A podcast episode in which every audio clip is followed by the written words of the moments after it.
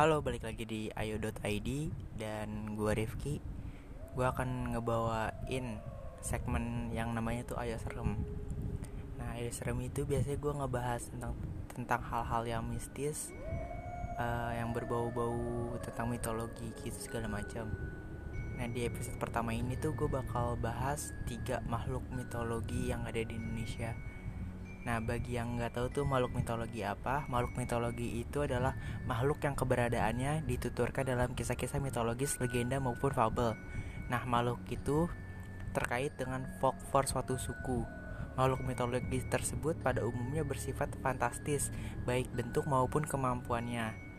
Nah, biasanya kisah-kisah makhluk mitologi itu sering kita dengar pada mitologi Yunani ataupun mitologi Nordik. Tapi kali ini gue akan membahas suatu mitologi yang ada di negara gue sendiri yaitu Indonesia men. Nah oke okay deh langsung kita mulai dari makhluk mitologi yang pertama yaitu Ahol. Nah Ahol itu makhluk mitologi dari Jawa yang berwujud seperti kelelawar. Nah ciri-ciri Ahol itu kepalanya seperti monyet dengan mata hitam besar cakar besar dan bulu berwarna abu-abu gelap yang menutupi tubuhnya dan yang bikin makhluk ini sangat menyeramkan yaitu bentangan sayapnya itu bisa mencapai 3 meter. Nah, nama Ahol tersebut itu berasal dari bunyi yang dikeluarkan oleh makhluk itu. Nah, konon katanya makhluk ini pertama kali dilihat oleh seorang dokter yang bernama Dr. Ernest Bartels pada tahun 1925 saat sedang menyusuri Gunung Salak.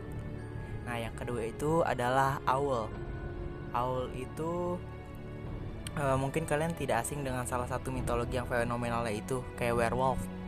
Nah, Aul itu merupakan sosok manusia yang bisa berubah menjadi serigala. Nah, tapi konon katanya itu Aul dulunya seorang manusia biasa yang memiliki kesaktian yang dapat menyatukan kembali anggota tubuhnya yang lepas.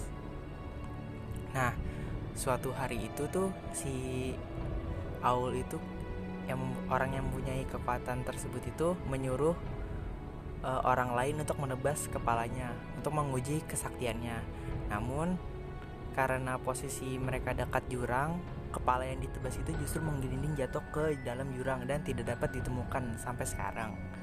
Nah, dalam keadaan panik itu tuh si orang yang nebas kepalanya itu uh, mencari sekitar dan ada satu serigala.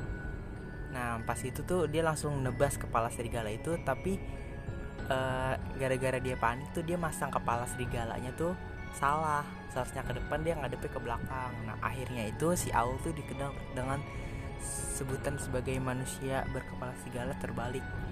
Yang sesekali bisa jalan tegak kayak manusia biasa gitu. Nah biasanya itu uh, di biasanya tuh warga di lereng Gunung Selamat itu dibuat resah dengan kehadiran makhluk itu tuh si Aul. Soalnya dia sering makan hewan ternak.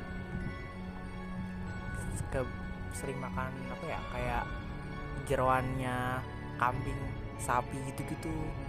Nah terus yang ketiga itu adalah cindaku.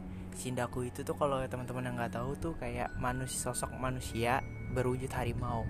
Konon menurut legenda itu penduduk setempat cindaku adalah ilmu batin yang diwariskan dari nenek moyang masyarakat di Kerinci di daerah Sumatera lah.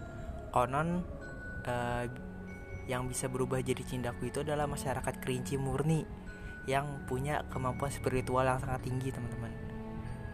Mereka hanya bisa berubah di tanah kelahirannya sendiri dan saat dadanya bersentuhan dengan tanah.